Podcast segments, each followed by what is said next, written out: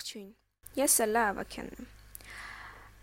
Սա իմ հեղինակային նախագծի հերթական թողարկումն է։ Այսօր միասին կընկնդրենք Մհեր Իսրայելյանի պատմվածքներից մեկը՝ Ջոնին, պատերազմը եւ կոշիկները։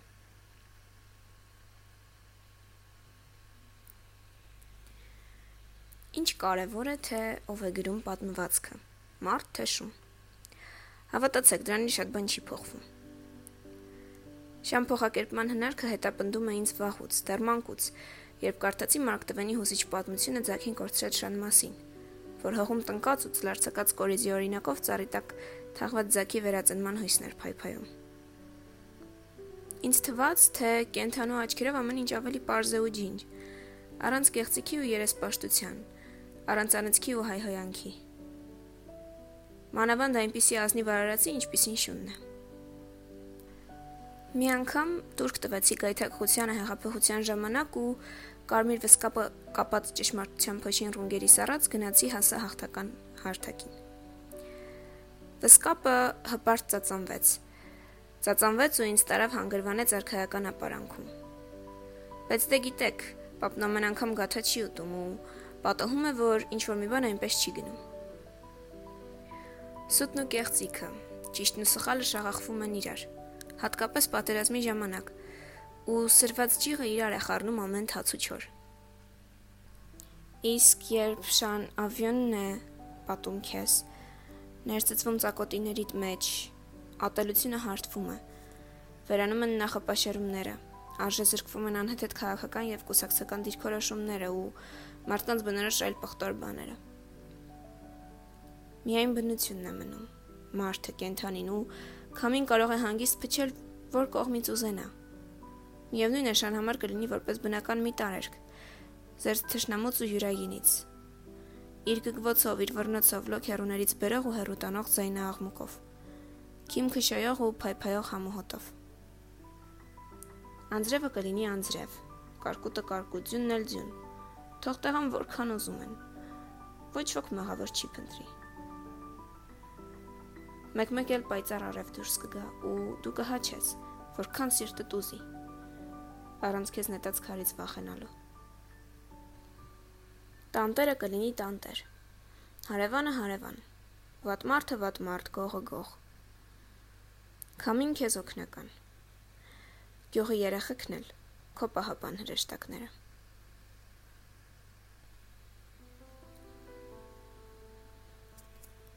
Ես սիրում էի մեր գյուղի երեխեքի կոշիկները։ Ամեն մեկն իր գույնն ուներ ու հոտը։ Բոլորին անգիր գիտեի։ Կոշիկների հոտից արդեն գիտեի ով ուր գնաց ինչ արեց։ Ամբողջ օրը վազվզում էի նրանց հետ ու աչուծախ լպստում ձեռովոտ։ Շան իմ բաժին երջանկությունն էի վայելում, կամ այդքան չարչրկված շան բախտը, երբ մի օր աշխարհը շուռ եկավ։ Քամին վատ հոտ բերեց երկինքը սևացավ։ Բարձր ձայներ լսվեցին ու դղրդոց։ Նույն օրը բոլորը կանաչեցին։ Դարձան թփերի ու ծառերի գույն, համարյա անտեսանելի։ Գունավոր շորերը իսպար վերացան, մարդիկ միաձուլվեցին բնության ու ինչ որ աղմկոտ փայտեր առան ձեռքերը։ Այդ փայտերը պահում էին օդում ու ճաշճատյուն էր լսվում։ Հենց այդ օրերին էր, որ վերևից անտեսանելի բաներ սկսեցին թափվել, Քարի պես էին, բայց ավելի արագ էին գալիս։ Միայն հոտով էի զգում, հաչում էի ու մերոնք, մեր տան մարդիկ, արագ իջնում էին նկուղ։ Չգիտեմ ովքեր էին նետում քարերը։ Ասում էին իբր գողերն են, բայց չէի հասկանում, թե ինչու են գողերը այդպես աղմուկահաղակով գալիս։ Սուսուփու, սկուզեկու սոխալու փոխարեն երկնքից էին փորձում թափվել մեր գլխին։ Հենց այդ օրերից մեկն էր, որ քնով ընկա թե ինչ եղավ։ Հոտառությունս ինձ դավաճանեց ու վերևից իջնող քարերը չիմացա թե ինչպես եկան ու լցվեցին մեր մեծ բնի ու այնտեղ ծվարած մարդկանց վրա։ Այդ օրը մերոնց կոշիկները մնացին շեմին։ Պատերազմ է սկսվել, աղախակեց մի գյուղացի։ Չիմացա թե ինչ էր նշանակում, բայց հասկացա, որ վատ բան է։ Հոտառությամբ զգացի։ Ամենուր ներկա արյան տակ շունչը հուշեց։ Վատ բաներ էլի էին եղել։ Վատ մարդիկ էլի էին եկել, բայց սրանք այն գողերը չէին։ Մեր իմացած սովորական վատ մարդիկ չէին։ Սրանք ուրիշ էին։ Վատերից ավելի վատը։ Սրանցից սատկած առնետի գարշահոտ էր բուրում։ Մանավանդ մինչև արյան հասելն ու լերթանալը։ Երբ արյունը լերթանում էր, հոտը ցնդում էր ու դատարկ պատյան էր մնում այս անկողմ թափթփված։ Շրջակա անտառներում կածանների երկայնքով դեռ շատ պիտի տեսնեի այդպիսի անհատ պատյաններ, որ մնացել էին մարդկանց փոխանեն։ Նրանք, որ մեր գյուղից էին, եթե հավատանք մեր հարևանին, երկինք են գնում։ Իսկ ավելի ուշ նրանց հոգիները մտնում են այլ մարդկանց մարմինների մեջ։ Երբ հոտոտում ես ու հոտ չի գալիս, ուրեմն սատկել են։ Մարդկանց լեզով ասած, մեռել։ Մեր տան մարդիկ բոլորը կոծրել էին հոտը։ Այսինքն չկային այլևս, ինչքան որ հասկացա։ Թե ուր էին գնացել չգիտեմ։ Երևի երկինք, ինչպես հարևաններ ասում։ Իսկ գողերը ըստ նրա երկինք չէին գնում, այլ մնում էին վարազինկեր ու մտնում հողի տակ։ Մեր մեծ բույնը, որտեղ ապրում էին մերոնք, լրիվ այրվել էր ու մոխիր դարձել։ Եթե մեր տան մարդիկ հոտը կորցրին ու գնացին երկինք, ապա ես կորցրի անունս։ Մինչ այդ ես գյուղի մարդկանց բոլորի սիրելին էի։ Այնինչ հիմա, որ ինձ կանչող չկա, Գյուղի պահապան հրեշտակներն էլ անհետացել են։ Մնացել է մանանուն թափառական միշուն։ Ամենաշատը ինձ սիրում էր գորիկը։ Բացում էր մեծ բնի դուռը, ներս կանչում, ոսկոր շպրտում, հետո միասին թավալվում էինք պարտեզում ու ծտերի հետևից վազվզում։ Ինչ օրեր էին։ Երբ քարերի տարափը լցվեց մեր մեծ բնի, կամ ինչպես մարդիկ էին ասում, տանտանիքին, փոշին պարուրեց աչքերս։ Ոտքս կաղում էր։ Ոչինչ չէի տեսնում։ Միայն հոտառությունս էր տեղը։ Ու շուտով փլատակների տակից ռոնգերս խտեց գորիկի կոշիկների բույրը։ Բայց կոշիկներից բացի ոչինչ չկար։ Միայն մի դատարկ պատյան, որ առաջ գորիկի մարմինն էր եղել։ Հետո եկան հարևանները։ Կանաչ շորերով մարդիկ փորեցին, փորփրեցին ու գնացին։ Երեք օր հետո ես մոտակա աղբակույտից գտա գորիկի կոշիկները եւ խնամքով բերեցի այնտեղ, որտեղ, ինչպես կարծում էի, պիտի վեր հարներ մի նոր տուն։ Ու տունն ուներ դրան միշեմ։ Ու եթե կա տուն, անպայման կլինեն երեխաներ, ու մեկի անունը հաստատ գորիկ կլինի։ Կոշիկներն իհարկե երկար չմնացին։ Գյուղացիները խնդմնդացին, որոշները լաց եղան, Իսկ մեկն էլ ասաց, թե շները թեև հիմար են ու հումորի զգացողություն չունեն, բայց հոգի ունեն։ Հավատարիմ են ու չեն դավաճանում։ Երբ աշխարհը շուռ եկավ, շատերը գնացին երկինք։ Գյուղը դատարկվեց ու հուշկու քամին քշեց տարավ ամեն բան։ Ես էլ դարձա անտեր միշուն։ Կեսկահ ու կեսկույր թափառական։ Մինչև այն օրը, երբ քամուն անպավինած մի կերպ հասա խրամատ։ Խրամատը մի տեղ է, որտեղ հավաքվում են կանաչակած մարդիկ։ Բոլորը աղմկոտ փայտեր ունեն ու կոչվում են զինվոր։ Խփենք սրան, շատ չտանջվի։ Առաջարկեց մի զինվոր։ Դժվար երկար ձգի, վրան հալ չկա, ոչ տեսնում, ոչ լսում։ Տվեք ինձ, ես կպահեմ։ Շունա, կլավանա, ասաց մեկ այլ զինվոր, ում աղասեին կանչում։ Երբ աղասը գրկեց ինձ եւ իր ծոցը տարավ, ես գորիկի հոտն առա։ Մեր գյուղի հարևանը ճիշտ էր ասում։ Գորիկի հոգին եկել ու պատսպարվել էր աղասի մարմնում, որ հիմա տակածնում էր ինձ։ Աղասը ինձ բամբակով ջուր էր տալիս, իր ամանից բաժին հանում, իր ծոցում էլ քնացնում։ Նա իմ նոր տերն էր։ Ես այլևս անտեր չէի։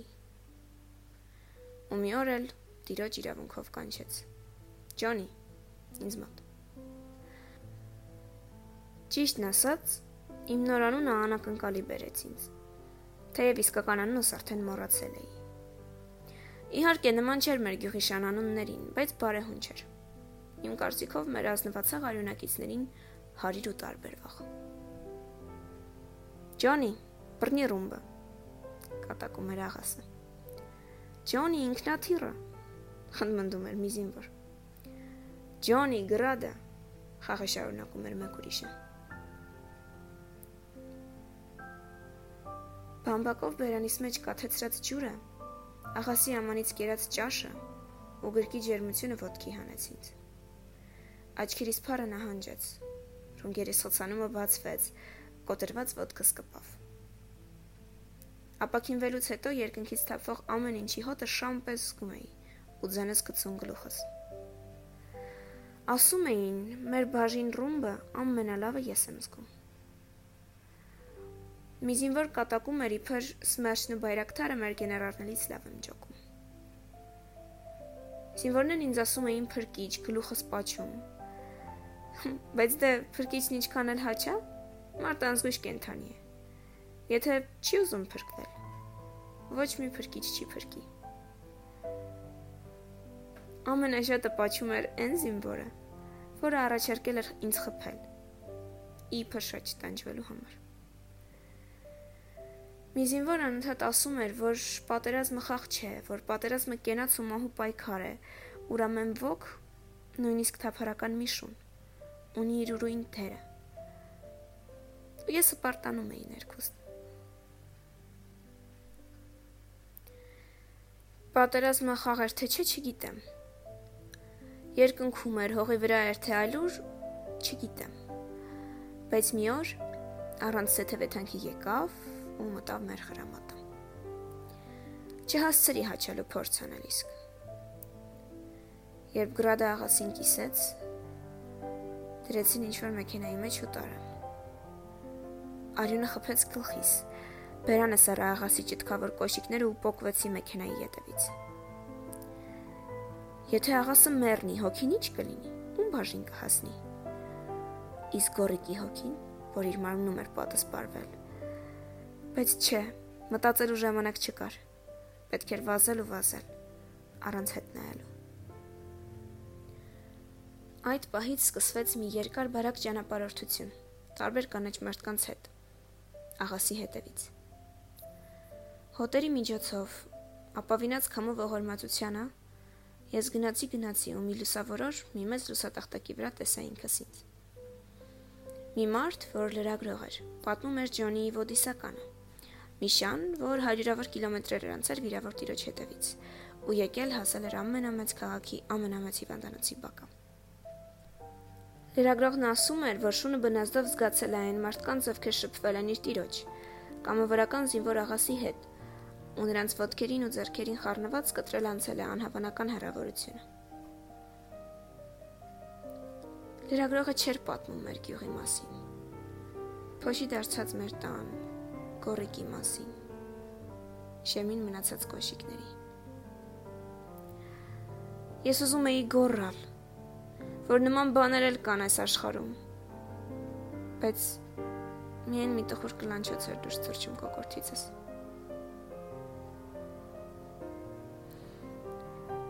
Հիվանդանոցի բակը դարձել էր իմ երկրորդ տունը։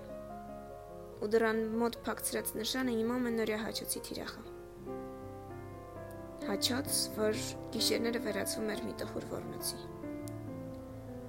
Այդ նշանը անխղճաբար գուժում էր, որ կենթանիներին հիվանդանոց մտները խստի վարկերված է։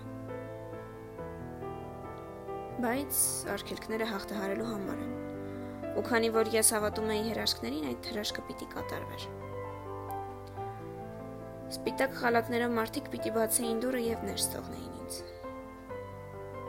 Ես պիտի ատամներիս տակ առնեի հերու հերվից քաշ տված բերած աղասի ճիտքավոր կոշիկները